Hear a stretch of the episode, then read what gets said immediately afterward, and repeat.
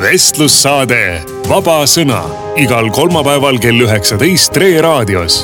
järelkuulamine treraadio.ee.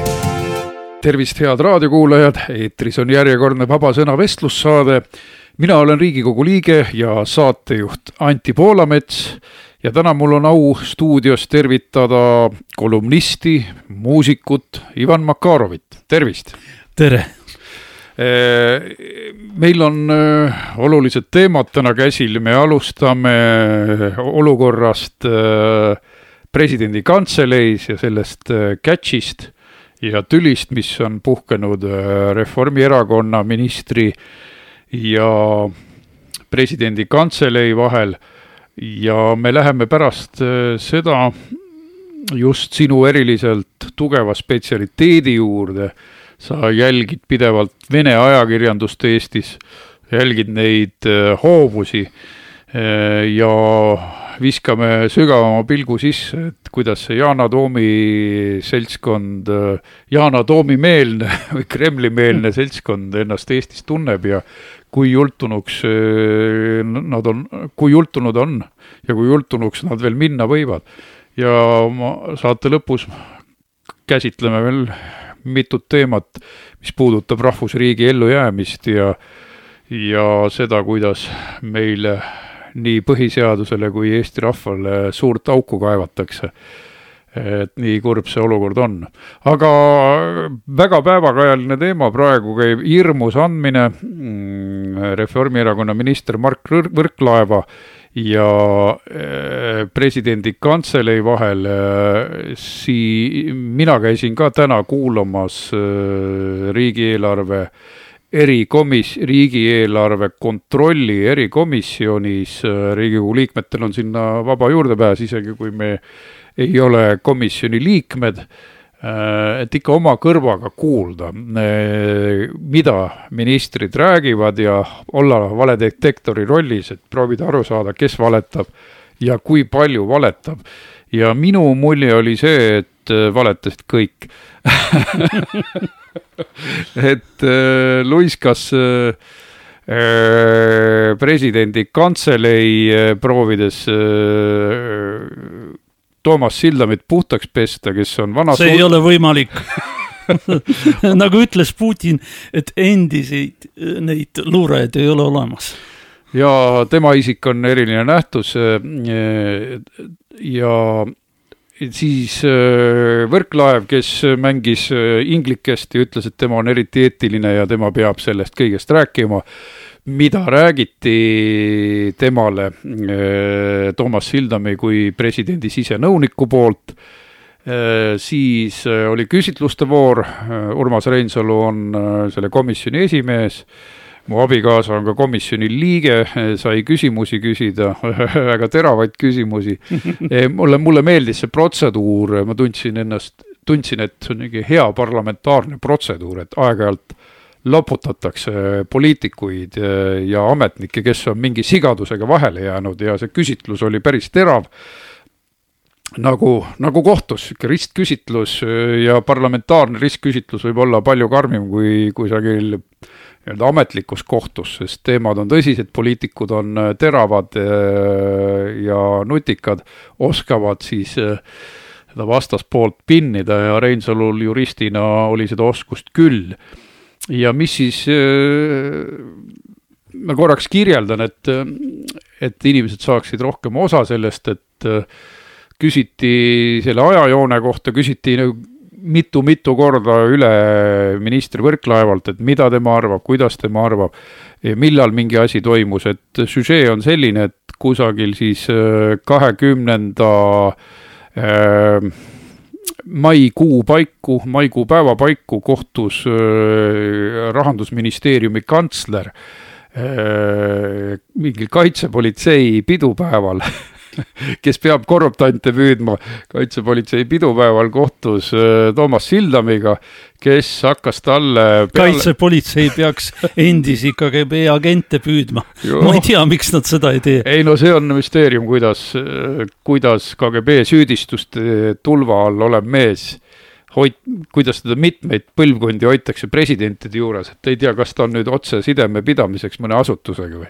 väga võimalik, sest äh, Toomas Hendrik Ilvese nõunik ta oli samamoodi ja siis oli ERR-i peaideoloog ehk äh, riikliku ringhäälingu ideoloog. jaa, aga väga küüniline, küüniline siis äh, ajakirjanik, kui teda üldse nii võib nimetada, tegu oli tõelise mehega, kes tahtis ikka panna valitsusi paika ja kukutada, kui vähegi võimalik, et äh, vilavate silmadega käis ta ka meie fraktsioonis ringi ja, ja hingelt sots, nagu ma olen aru saanud, või noh, müüdav, kuidagi müüdav hing oli see mulje, et et see KGB süüdistustega seotud taust on ka mõtlema panev, et äh, vaata mõned asjad peavad olema õiged ja näima õiged, et see, et mehel on pidevalt saba taga äh, ja põhjusega saba taga, sest äh, kuidas on võimalik, et mees, kes juba noore mehena Afganistanis sõjakorrespondendina, noorte häälega sõjakorrespondendiga, kas sina usud, et tal ei olnud äh, väga tihedaid sidemeid teatud asutustega? no minu teada Kalle Klandorf sellest kirjutas päris põhjalikult ja siis no Eesti punkarid endised, nemad ka, nendel on ka üht koma teist mäletada ja. no mäletavad hästi, nii et. noh kellel..., hüüdnimi Kristjan, noh, ega sellest äh, puhtaks ei pese ja, ja vaadake, me ei ole, me ei ole ennast ju puhastanudki sellest teemast, sest äh, näiteks Lätis äh, võeti vahele ka endine peaminister Godmanis, üks Rahvarinde tegela, juhtivtegelasi, KGB agent, eks, toimikuga koos.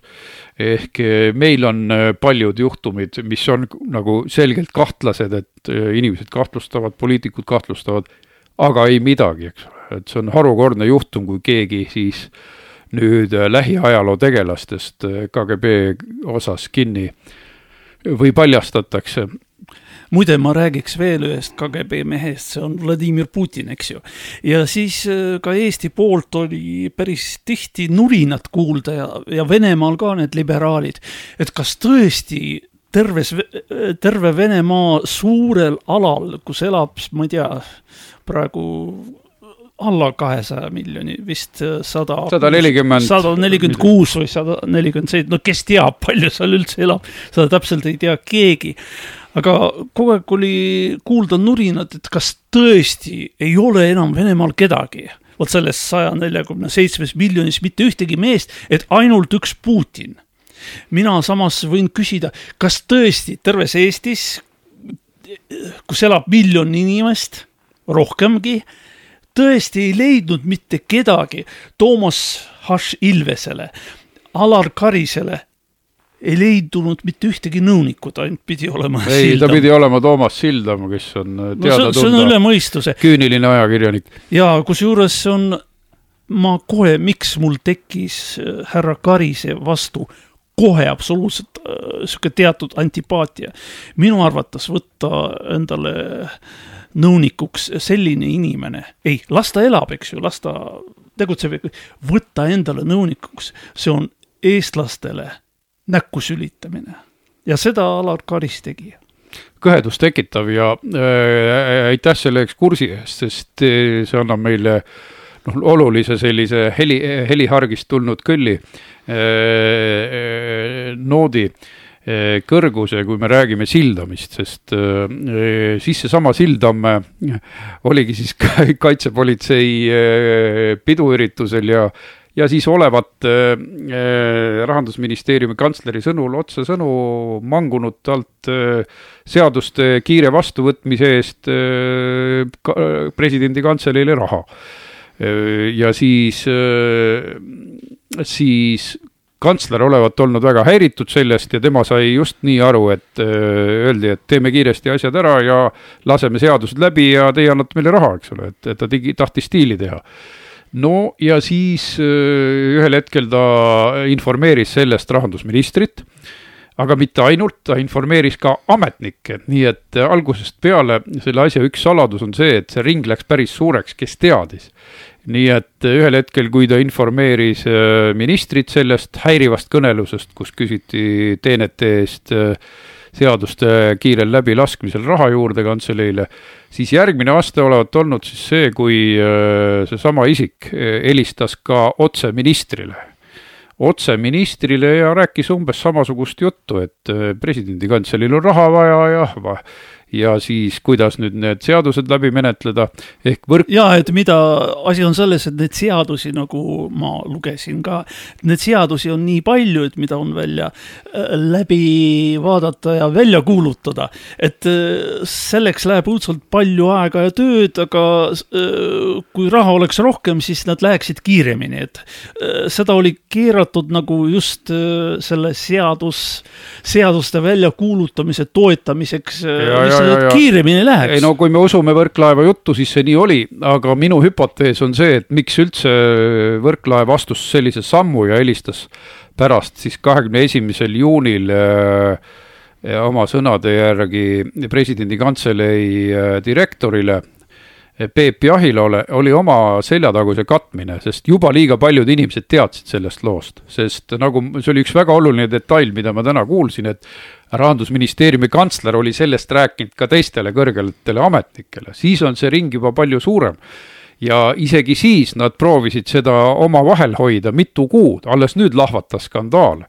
ja, ja siis äh, Võrklaev läks nii kaugele, et ütles jah, et kui ma oleks sellele jah öelnud, selliste juttude peale ja andnud raha, siis oleks see korruptsioonivastase seaduse rikkumine.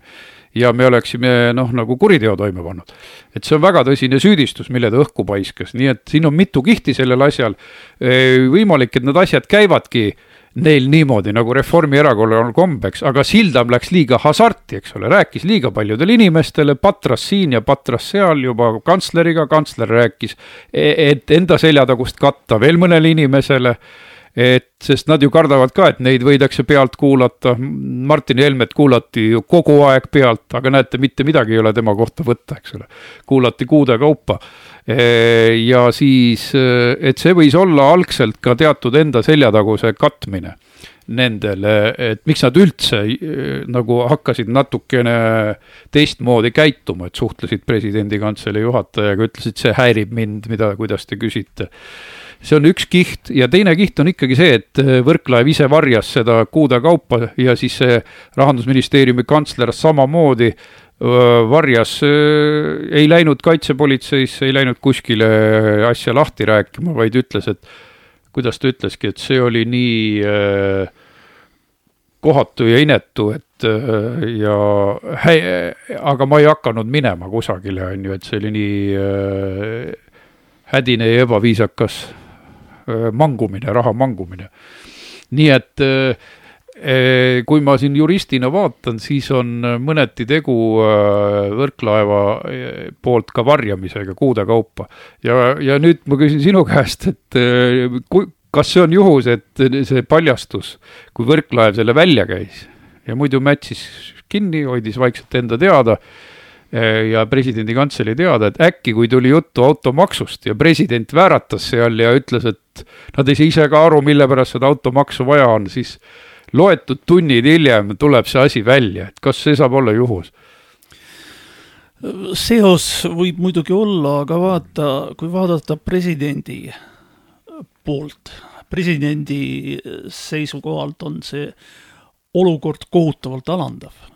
et no ütleme otse, ma armastan vahel ka otse rääkida, et antud juhul on äh, härra Sildam on pimp, Võrklaev on klient, aga mis rollis on siis äh, president äh, Alar Karis? tema nahka nagu müüakse ja tema teeneid müüakse, see on minu arust, see on, siin on tegemist Eesti ajaloos kõige ilgema poliitilise prostitutsiooniga aga mida meie konservatiivide vaatenurgast võime öelda, et mida Karis tegelikult tegi, et äh, Reformierakond pani ta võimule Riigikogus, valis ta välja ja valis ära ja sellelt, selle vastu oodati muidugi lojaalsust, mida ta tegi? ja ta oligi lojaalne. ma nii lojaalselt presidenti, jutumärkides presidenti pole näinud. oleks see praegune president valitud rahva poolt, ta oleks põrutanud rusikaga lauale ja öelnud, et äh, mind valis rahvas, aga mida ta praegu ütleb? tal ei ole mandaati. see, mis tal on, see ei ole mandaat. need ei olnud valimised, see oli määramine, sest tal ei olnud isegi vastaskandidaati. ja seda naljakam see tüli ongi, sest ta lasi kõik ju läbi, kõik selle soga ja ebaseaduslikkuse, mille koalitsioon oli lauale toonud. Ja kõige hullem muidugi neist oli äh, abielu mõiste muutmine, mis on ilmselgelt põhiseadusvastane. ilmselgelt vajaks põhiseadus äh, kontrolli Riigikohtus, mis siis, et seal on eh, Reformierakonna poolt kahekümne aasta jooksul määratud ja valitud kohtunikud, kes kõik on muide Riigikogus valitud. enamus, suur hulk on neist ideaalsed liberaalid. EKRE on neile, kes ütlevad, et ei mingit abielu mõistet, mõiste noh, kinnistamist ei saa olla, see, see, see võib olla kasvõi ma ei tea, polügaamia, me oleme kõigile neile vastu hääletanud. aga reform on nad sinna valinud ja tagajärjed on sellised, et, et siis seesama Eesti probleem on selles, et kui näiteks üks kilekotipartei, milleks Reformierakonda äh, õigustatult peetakse, nad on äh, selle suurel määral vahele jäänud kilekottidega rahastamise teemal ja igasuguste muude lõputute sigaduste, skandaalide ja rahaafääride teemal. et kui see seltskond tuleb pettusega võimule, olgu see e-valimised e, olgu see teine, kolmas põhjus, siis ta haarab võimuga õigussüsteemi üle. siis ta määrab presidendi ja siis ei saa ju öelda, et mingi õigussüsteem on tasakaalustatud, ta valib endale õiguskantsleri, sest nende hääled loevad, ta valib endale sobiva inimesi, kes ei ole liiga tülikas. ta määrab riigikohtunikud ehk siis eh, võimude tegelikku tasakaalu ei ole, et kes eh, rohkem sigatseb valimiste ajal, kes kilekottide ja pettuse abil ja R-hoolduste ja muude sigaduste abil võimule tuleb, see võtab kõik tegelikult, sest Riigikogul on ikka väga suur roll teiste võimuharude suunamisel. ja üks konstruktiivne ettepanek, mis seal komisjoni istungil tuli, oligi oligi äh, riigikontrolörilt, kes ütles, et see peaks võib-olla rohkem Riigikogu määrata, mitte rahandusministri määrata, kui palju saab Riigikontroll raha, sest Riigikontroll peab kontrollima samal ajal rahandusministrit, täitevvõimu, president peaks tasakaalustama, et kõik nad saavad mängida seda mm, nuk-, noh, nukumängu, traadist tõmmatava nukumängu, kui nad otsustavad raha üle puhtalt, et Riigikogus oleks see pind mõnevõrra laiem, et nendele tähtsatel institutsioonidel, aga muidugi mitte täiesti sõltumatu, seda mitte. seal me olemegi, seal me olemegi oma praeguse moodsa demokraatiaga.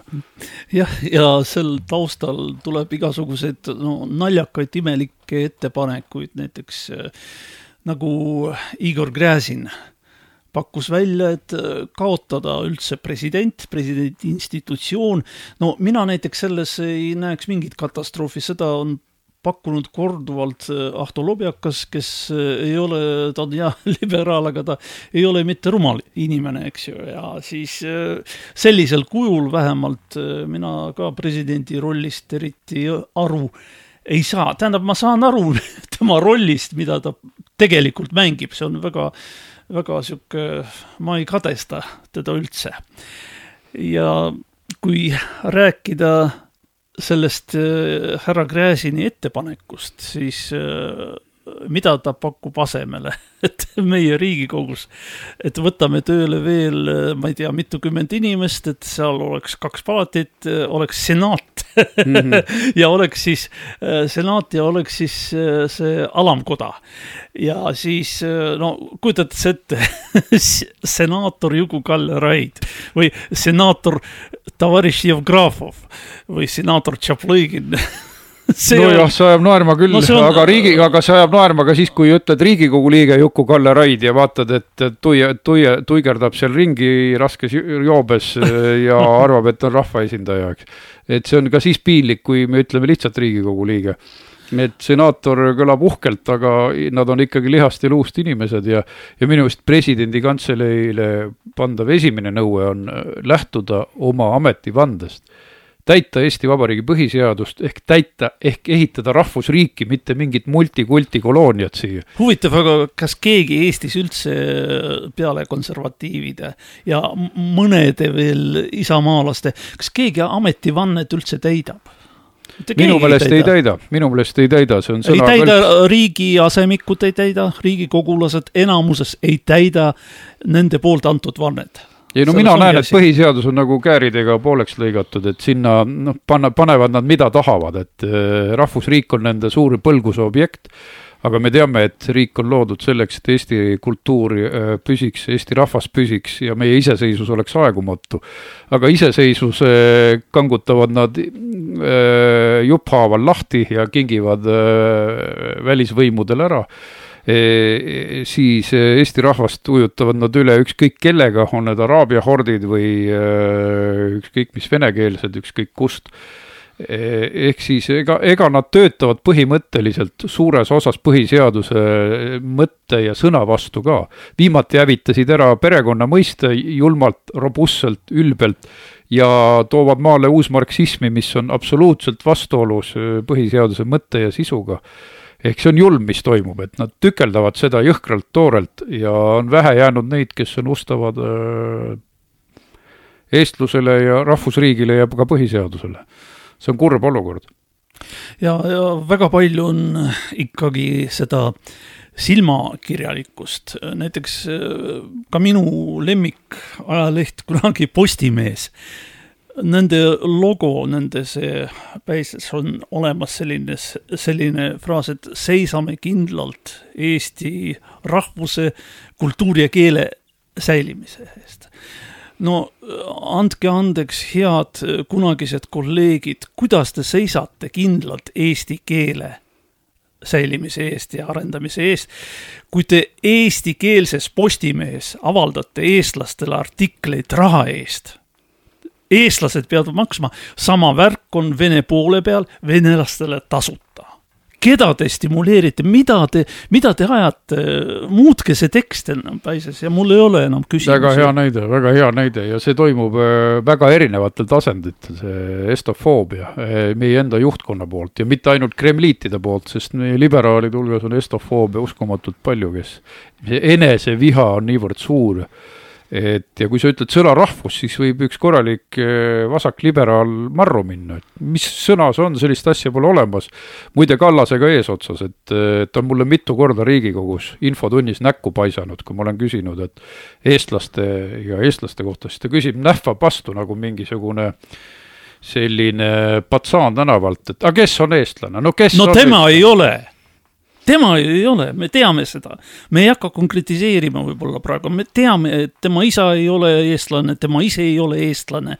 ei ole vaimult eestlane, ei ole oma töö poolest eestlane, ei ole no mitte ühegi parameetri järgi ei ole eestlane. ühesõnaga, Eesti vaimu on tal küll nii minimaalne. mina ka ei ole eestlane, noh aga ma ütleks, et Eesti vaimu on sul rohkem kui poolel Riigikogul kokku. Aga eh, head kuulajad, me läheme kohe väikesele pausile ja me jätkame Vene olukorrast Vene ajakirjanduses ja vaatleme, kas Eestis on viies kolonn või mitte.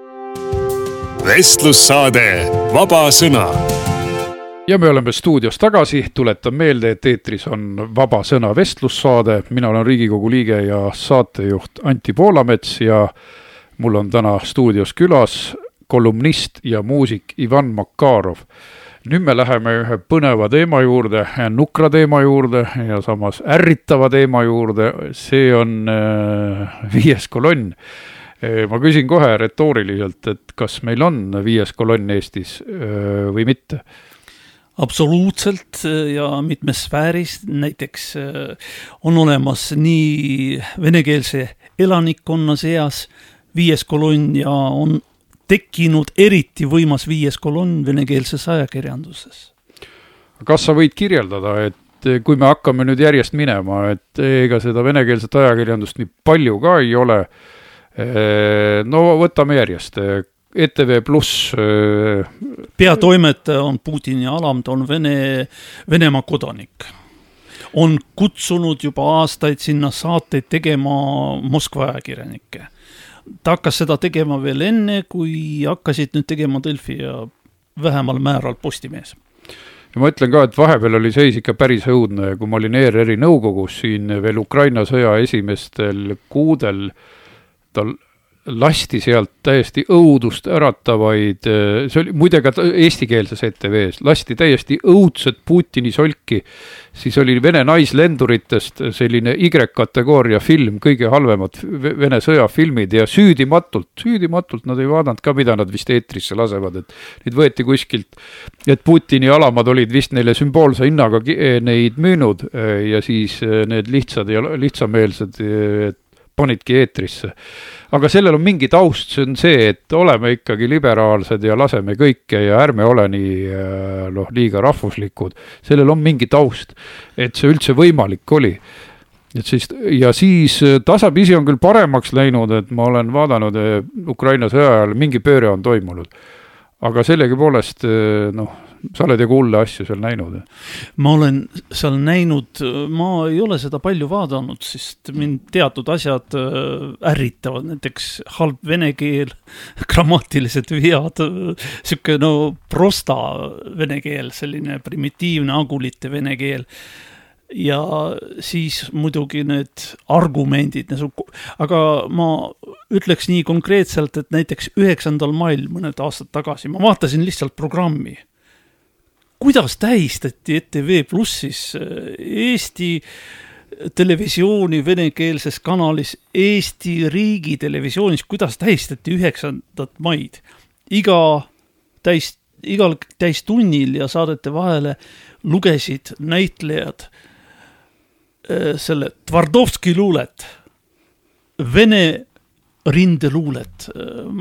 kui ma nägin seda programmi, ma mõtlesin, kas ma, kas äh, mina pöörasin nagu ära või, või mis toimub, see oli reaalsuses täitsa. aga see ongi masendav, et me teeme kõigepealt siis sellist halba liberaalset ajakirjandust rahva raha eest tihtipeale, ERR-is oli, oli ka väga palju teatavasti no täiesti fanaatilisi liberaale, kes, kelle päevad algasid Trumpi sõimamisega ja lõppesid Trumpi sõimamisega ja nad isegi proovisid seal vahepeal mässu teha üldse konservatiiv, EKRE nagu viisaka kajastamise vastu, et see on päriselt sündinud asi. ja no aga noh, praegu on nagu on, mingid positiivsed arengud on ju ka olnud aga noh, päris äh, erapooletuks ta ei ole muutunud kohe kindlasti äh,.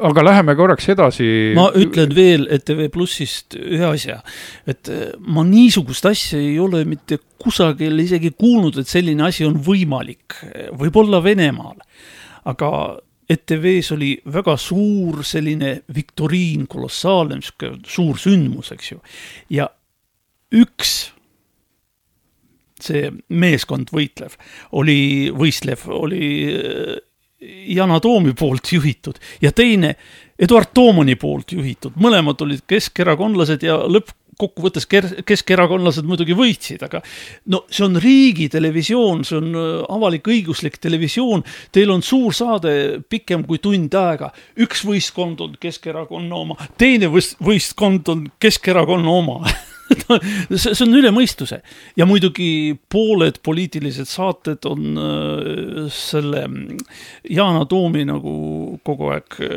isiklik tribüün. uskumatu, noh, ma olin Yana Toomiga vaidlemas hiljuti Kuku raadios äh, väli, välistunnis, kus oli opositsioon ja, ja, ja mida ta tegi, tema peamine missioon oli kaitsta äh, kõiki neid, keda näiteks Leedu julgeolekukaalutlustel äh, välja saadab, et võtab neilt elamisloa ära, nendelt, kes on äh, leidnud, et Krimm on Venemaa ja Ukraina peabki peksa saama ja temale võibki kallale tungida, ütles tuhandele inimesele siis äh, ebausaldusväärsuse tõttu elamisload üles, aga see on iga riigi privileeg, et ta ei või oma kodanikele ära öelda, aga inimestele, kellele on andnud elamisloa, et aitab küll, et elage nüüd oma kodumaal edasi.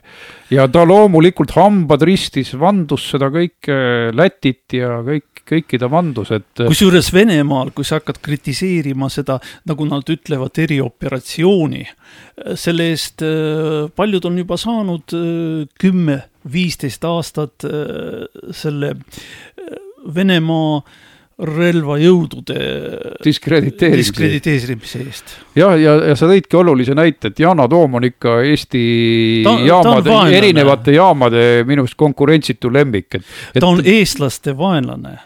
ta, ta vihkab eesti keelt, ta ütles, et eesti keel sureb välja koos e eestlastega.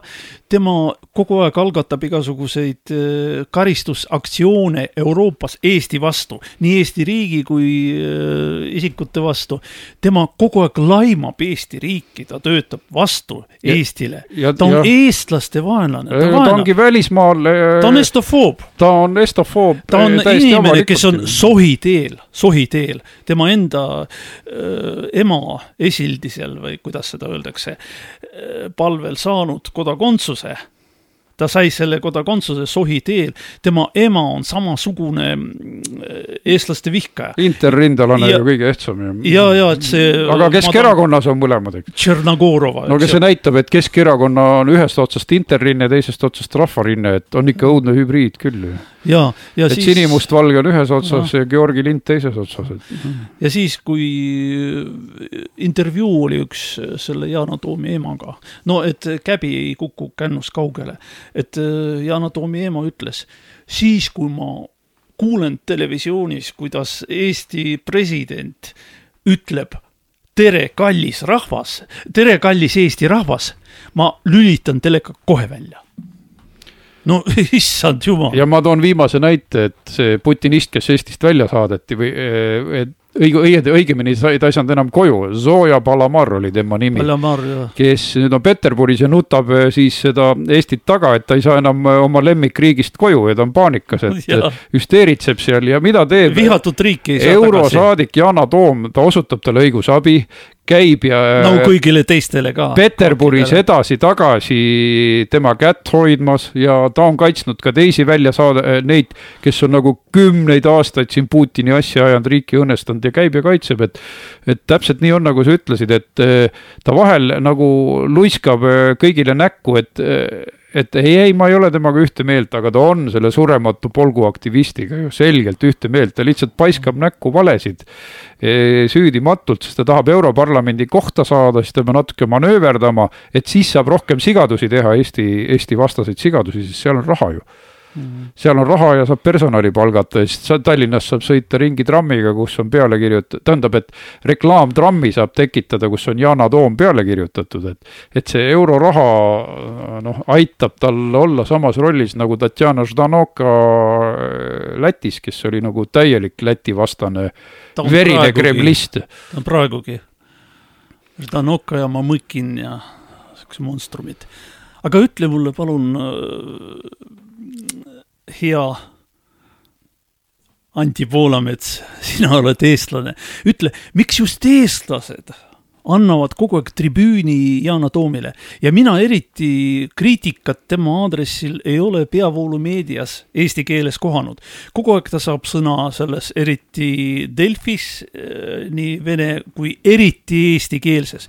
mingisugused Eesti kanalid teevad temaga mingisugust kokandussaateid, tulevad talle koju.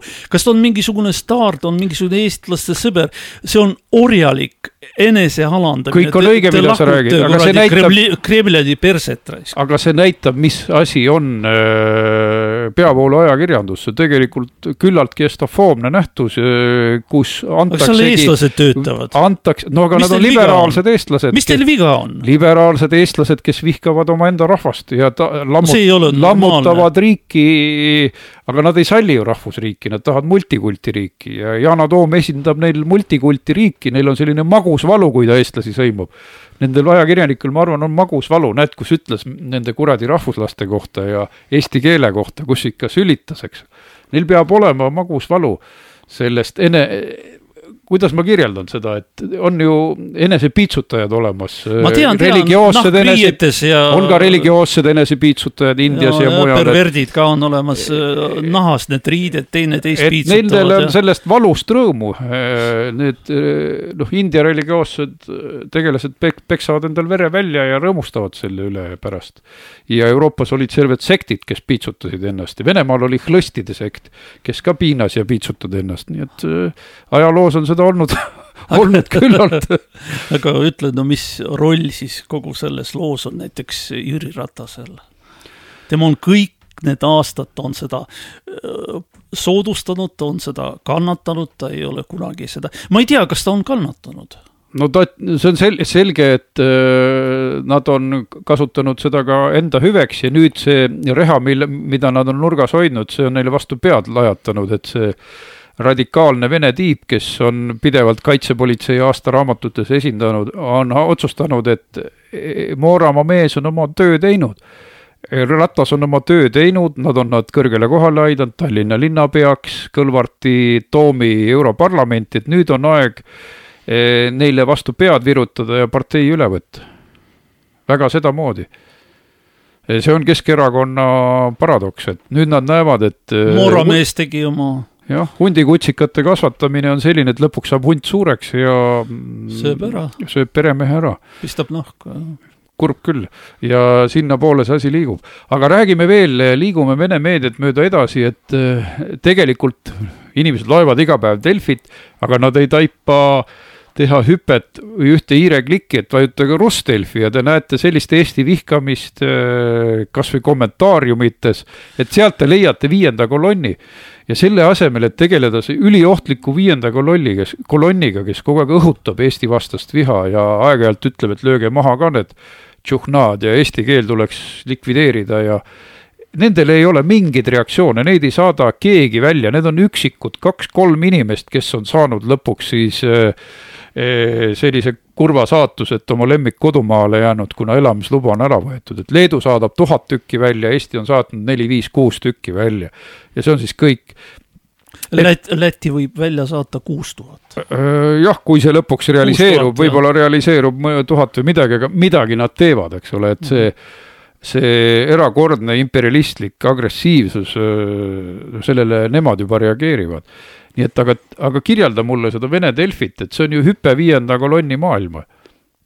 asi on selles, et ma alustaks natuke kaugemalt, et äh, me oleme siin Eestis kolmekümne aasta jooksul raisanud ära kümneid miljoneid, alguses kroone, siis eurosid, meeletut rahasid integreerimisele et me integreerime ja me kasvatame oma ajakirjanike põlvkonna, et kes on äh, eestimeelsemad juba natukene.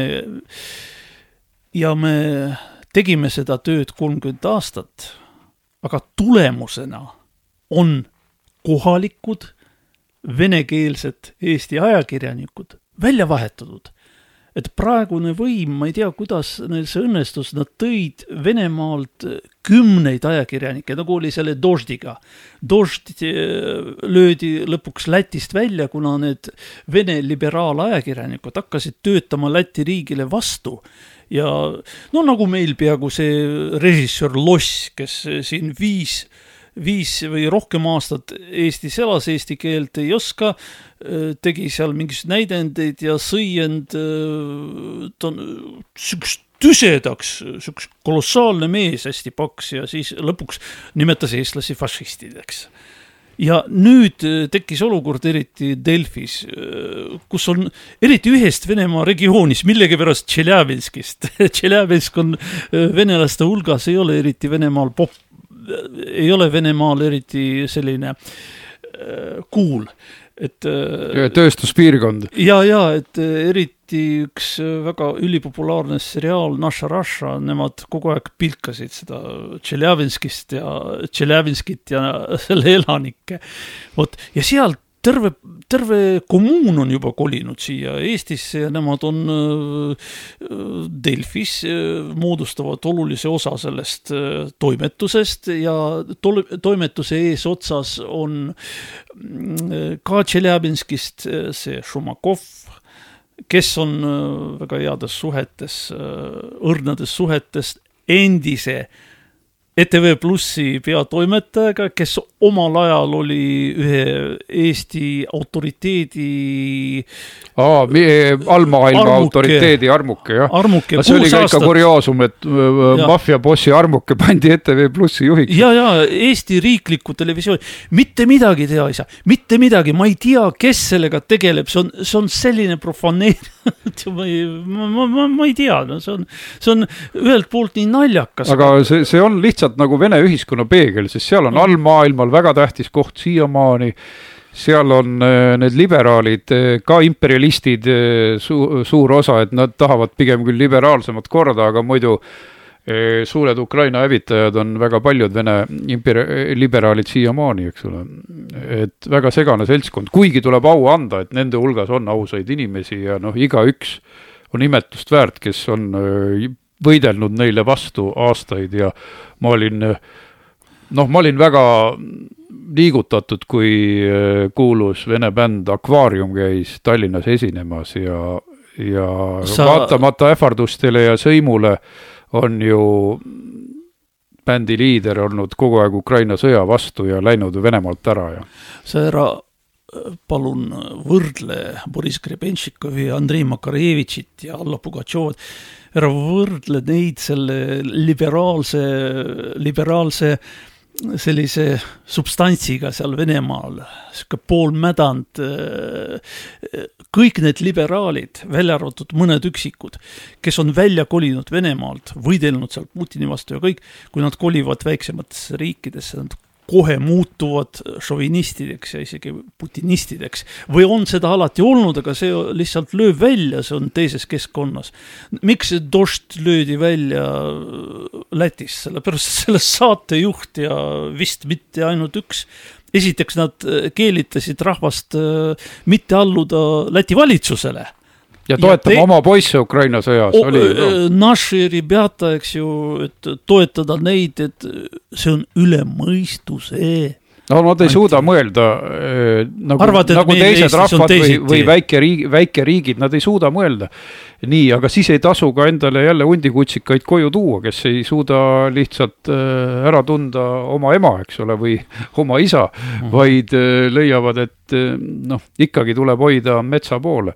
meile kolis Eestisse niivõrd minu jaoks auväärne inimene, väga tark ja tõesti antiputinlane nagu Artemi Troitski. No seniajani ta nagu viitab sellele, et aega on vähe, tööd on väga palju, eesti keelt ta ei õppinud ära. see on eh, vene intelligents, vene juudi intelligents, eks ju, kõrgem, no tema ju peaks, eks ju, lihtne jaapanlane tuleb siia, õpib ära. aga tal eh, on vähe aega, aga hea küll, see selleks. aga mida ta tegi enne valimisi, eelmisi jah e,, mitte neid, mis hiljuti oli Riigikogu, eelmist. Ta ütles, et mm, ta sööb oma mütsi ära, kui see EKRE sinna pääseb.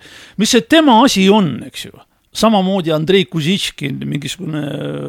Tomski linnaametnik. ja küllaltki niisuguse kahtlase ja vaieldava, nüüd ta on Eesti kodanik, ta on ka Eesti konservatiivide vastane. aga tulevad siia sa otsekohe poliitikat tegema, sisepoliitikasse sekkuma. see on ju nonsenss, sellepärast et noh, niimoodi tuua Venemaalt inimene, kes ei jaga siin öödega mütsi Eesti elust, Eesti saatusest, Eesti ajaloost. konservatiivide vastu. Neil on, ei, neil on soov siin kamandama hakata, muidugi No. konservatiivide vastu, aga nad ei saa aru, et sinu asi ei ole siin kamandada ja hakata mingisugust erakonda üles putitama, mis on eest, eestluse vastane, eks ole. et tegelikult ta ajab sama asja, mida need Vene imperialistid omal teisel moel, eks ole, toetades Eesti vastaseid jõude ta võib ju ennast kirjeldada Putini vastasena, aga fa faktiliselt teeb sama tööd, nõrgestab rahvusriiki siin. et see ongi kaval ja mõjuagendid ju töötavad äh, väga nutikalt. Vahel nad isegi ei taipa täpselt, mis asja nad teevad, nad teevad seda instinktiivselt, eks ole. aga noh, Reformierakond on oma mõjuagente sisse vedanud siia, täpselt nii on, nagu sa ütlesid. aga libiseme korraks edasi, et aga Navalnõi näiteks parem või vasak käsi, ma ei tea, see Ljubov Sobol, ta on jurist, ta on ju ka Eestis on. ja ta võttis sõna siis, kui oli see Doždi väljakihutamine.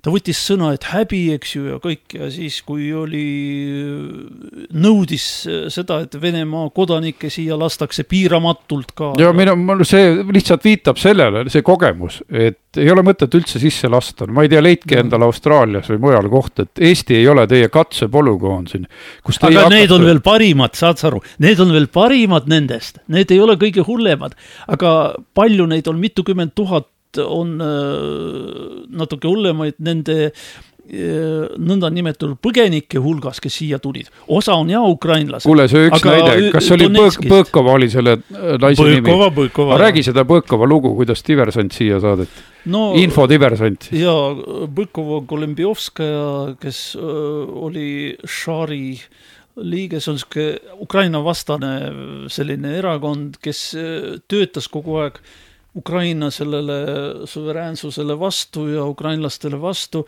kes on isegi selle Mirotvoretsi sellel saidil, kus on öö, kõik need Ukraina vastased öö, on olemas ja seal teda kirjeldatakse kui öö, Venemaa eriteenistuste agenti.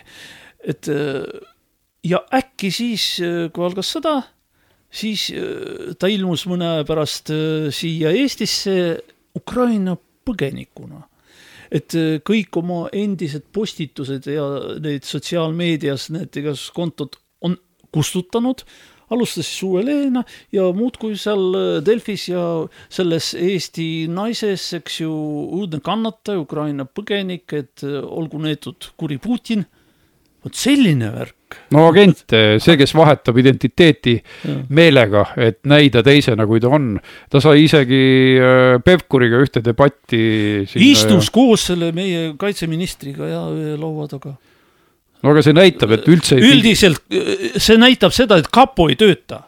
Ei filtreerita. see on meie, ei no see on meie kaitseminister, eks ju, see on strateegiliselt, sõda käib meie piiride lähedal.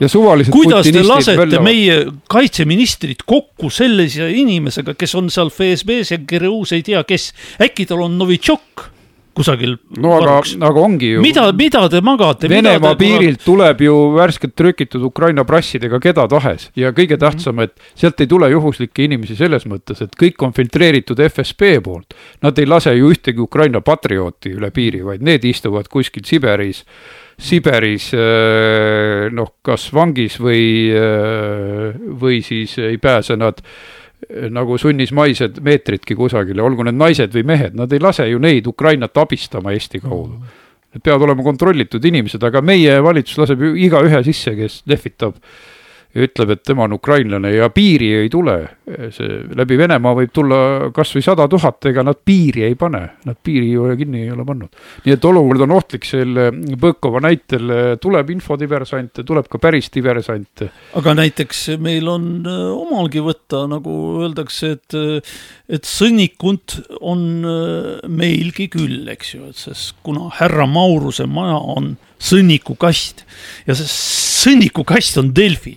mäletad, kui öö, selle fake news'iga, selle libauudisega sellest Prigožinist, mida üritati seostada selle EKRE-ga ja kõik, kuulge, kullakesed, te võtsite Prigožinlanna tööle te võtsite FSB agenti, Ukraina vihavaenlast meile siia tööle, tegite temast kolumnisti, mingisugust arvamusliidrit. Mida te teete? no see läheb selle Tšeljabinski kolooniaga ju hästi kokku, see ei lähe mitte ainult Tšeljabinski kolooniaga, see läheb kokku Urmo Sonvaldiga Sonvaldiga..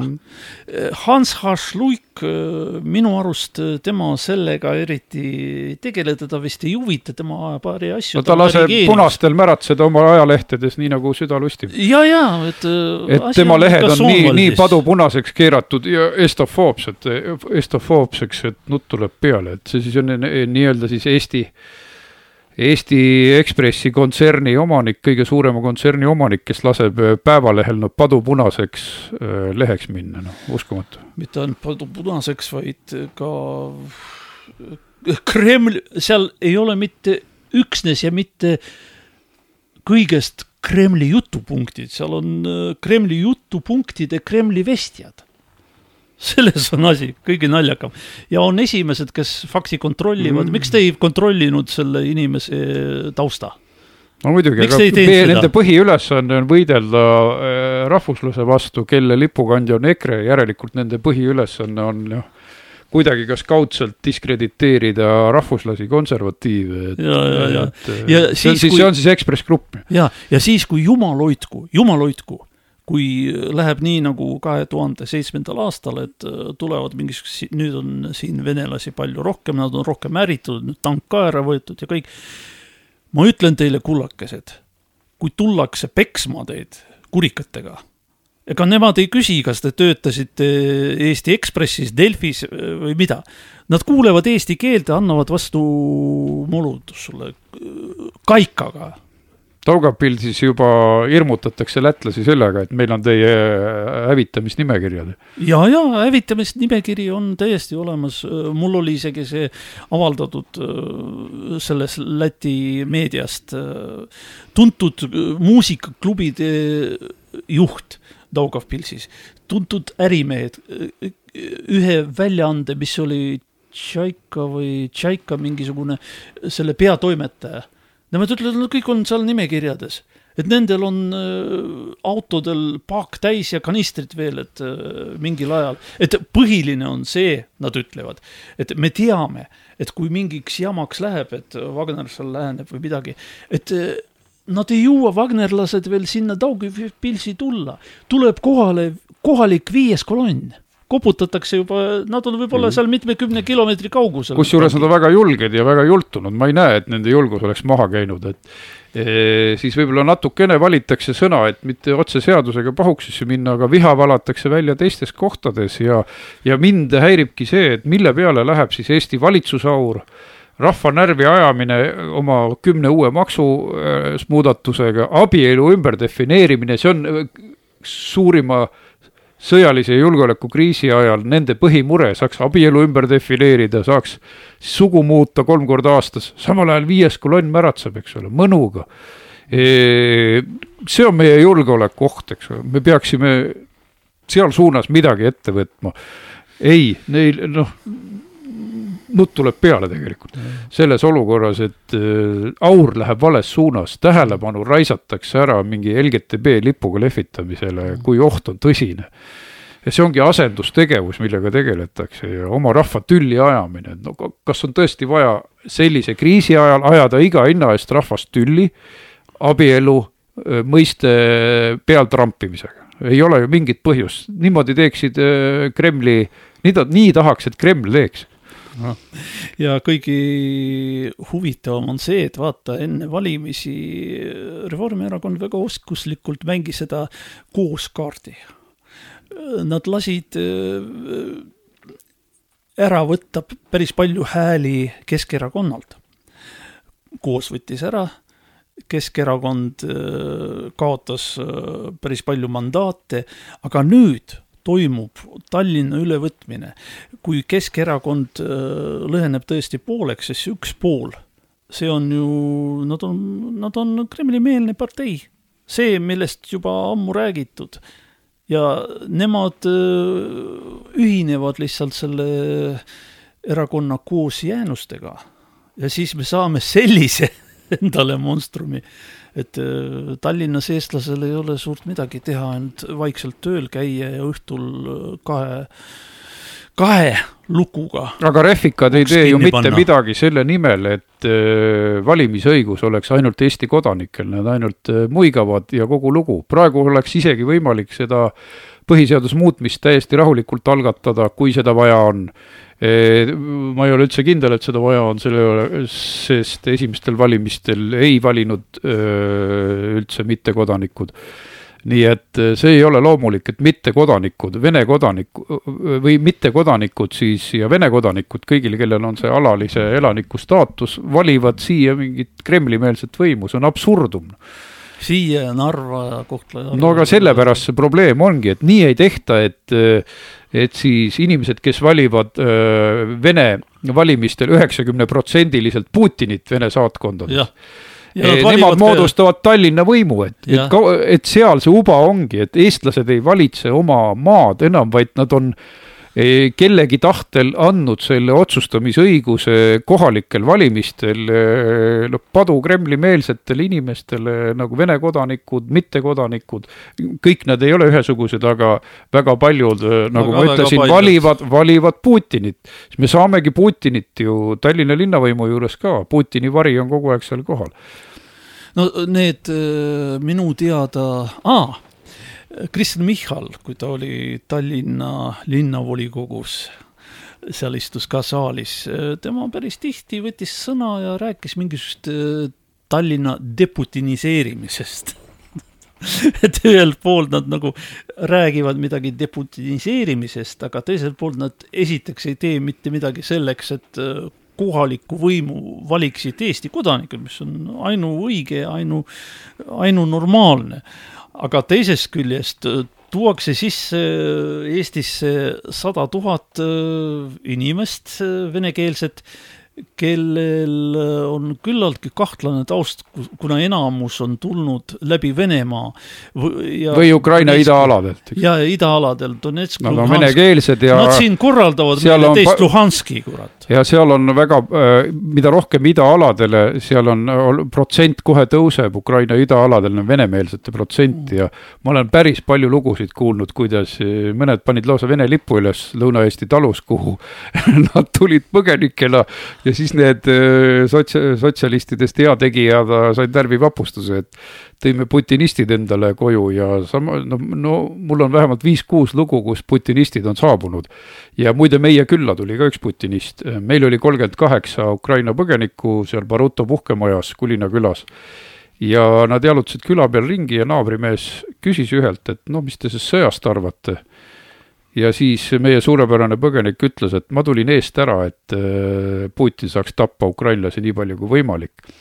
et mõtle ise, kas ei, mitte ei toodud meie külla julgeolekurisk, mis sarnaneb Vao külaga, kuhu tulevad mingid musklis mustad mehed just sõjast, käed väsinud, et nüüd on vaja koiku peal lesida, et see on päris hullud lood e,. muidugi ei ole nad kõik ühesugused, aga see, meil oli väga kenasid inimesi ka, Ukraina peresid seal. ei, loomulikult. aga, aga, aga, aga kui nende hulgas on kasvõi üks kümnest või üks kahekümnest sellised putinoidid. rohkem. no rohkem, muidugi rohkem, kolmandik. kõik või... need, mis tulevad siia Eestisse Venemaa kaudu, nad kõik tulevad läbi FSB sõela hea tähelepanek, aga ma viimase tegelasena võtaks veel ette sellise Riigikogu liikme nagu äh, seltsimees Tšaplõgini.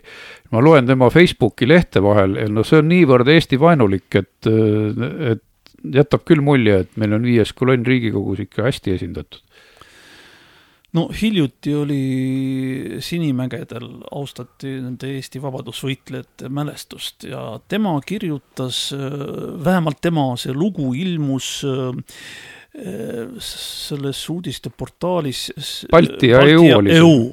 Balti ja EU on Kornilovi portaal, Kornilov on Eestist välja saadetud. putinist. putinist ja et äh, tema on seotud nende eriteenistustega, ta on välja saadetud.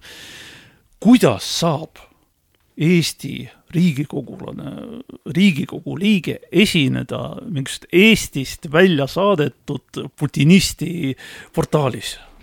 Äh, ilmus jälle mingisugune lugu tema kogu aeg arvustab seal Eesti poliitikat, kogu aeg teeb maha, aga too jäi mulle väga meelde, et, et tegemist on nüüd äh, seal Sinimägedel, et need olid ikka fašistid ja. no tavaline Putini äh, jutupunkt, äh, see käib alati läbi ja ja minge ainult vaadake, et Riigikogu liige Aleksandr Tšaplõgin ja tema seal Riigikogu lehel on esimene asi, on see punase viisnurgaga torn Stockmanni vastas, et see on tema siis Facebooki avapildiks pandud, kus ta siis, mille, kus ta uhkeldab viisnurgaga, et noh, sellised, sellised vägevad viienda kolonni esindajad on ju. ta ei ole seal üksi, aga see Jevgrafov, mõlemad, nii Tšaplõgin kui Jevgrafov, praegu kui Jüri äh, Ratas on veel Keskerakonna esimees Nad võeti Keskerakonda, Tšaplõgin oli seal ka varem olnud ja nüüd Jevgrafov ka korraga võeti. Jevgrafov hiljuti jälle kommenteeris seda, et äh, Narvas tahetakse need äh, tänavad, äh, tänavad normaalseks muuta, et tema, oli väga vihane, eks. tema on vihane, et kuidas nii, kuidas te aru ei saa? Need olid inimesed, kes oma elu riskides, need olid kangelased, nad vabastasid Eestit fašistidest ei, no inimene absoluutselt, kas, kas ta, kas ta on äh, puudega, eks ju, tal on mingisugune vaimne puue või ta mängib lolli vot äh, sellest ma ei saa aru. no ta tunneb no, ennast Narvas peremehena, et äh, noh, ta näitab Tallinnas ka välja, et kelle käes on võis võim Narvas, olgu putinistide käes ikka. See on ülbus, see on naturaalne nagla, nagla öeldakse selle kohta. huvitav, keda Eesti riik nüüd määrab eriesindajaks sinna Ida-Virumaale? Narva, ma, ma ei imesta, kui mõni sihuke Jevgrafovi taoline isik sinna lähetatakse. Ja hoidku taevas selle eest, aitäh, Ivan Makarov, Tallinna linnavolikogu liige, EKRE esindaja seal, aitäh sinu võimsa võitluse eest volikogus ja ühtlasi oled sa ka kolumnist, kes Uutes Uudistes vägevasti valu annab putinistidele ja aeg-ajalt kirjutad sa ka Objektiivi portaalis. nii et lugege, nautige väga head. valu punanahkadele nagu ütles Toots aitäh, Ivan. me kohtume siin saates kindlasti veel. aitäh vestlussaade Vaba Sõna igal kolmapäeval kell üheksateist Tre raadios. järelkuulamine treraadio.ee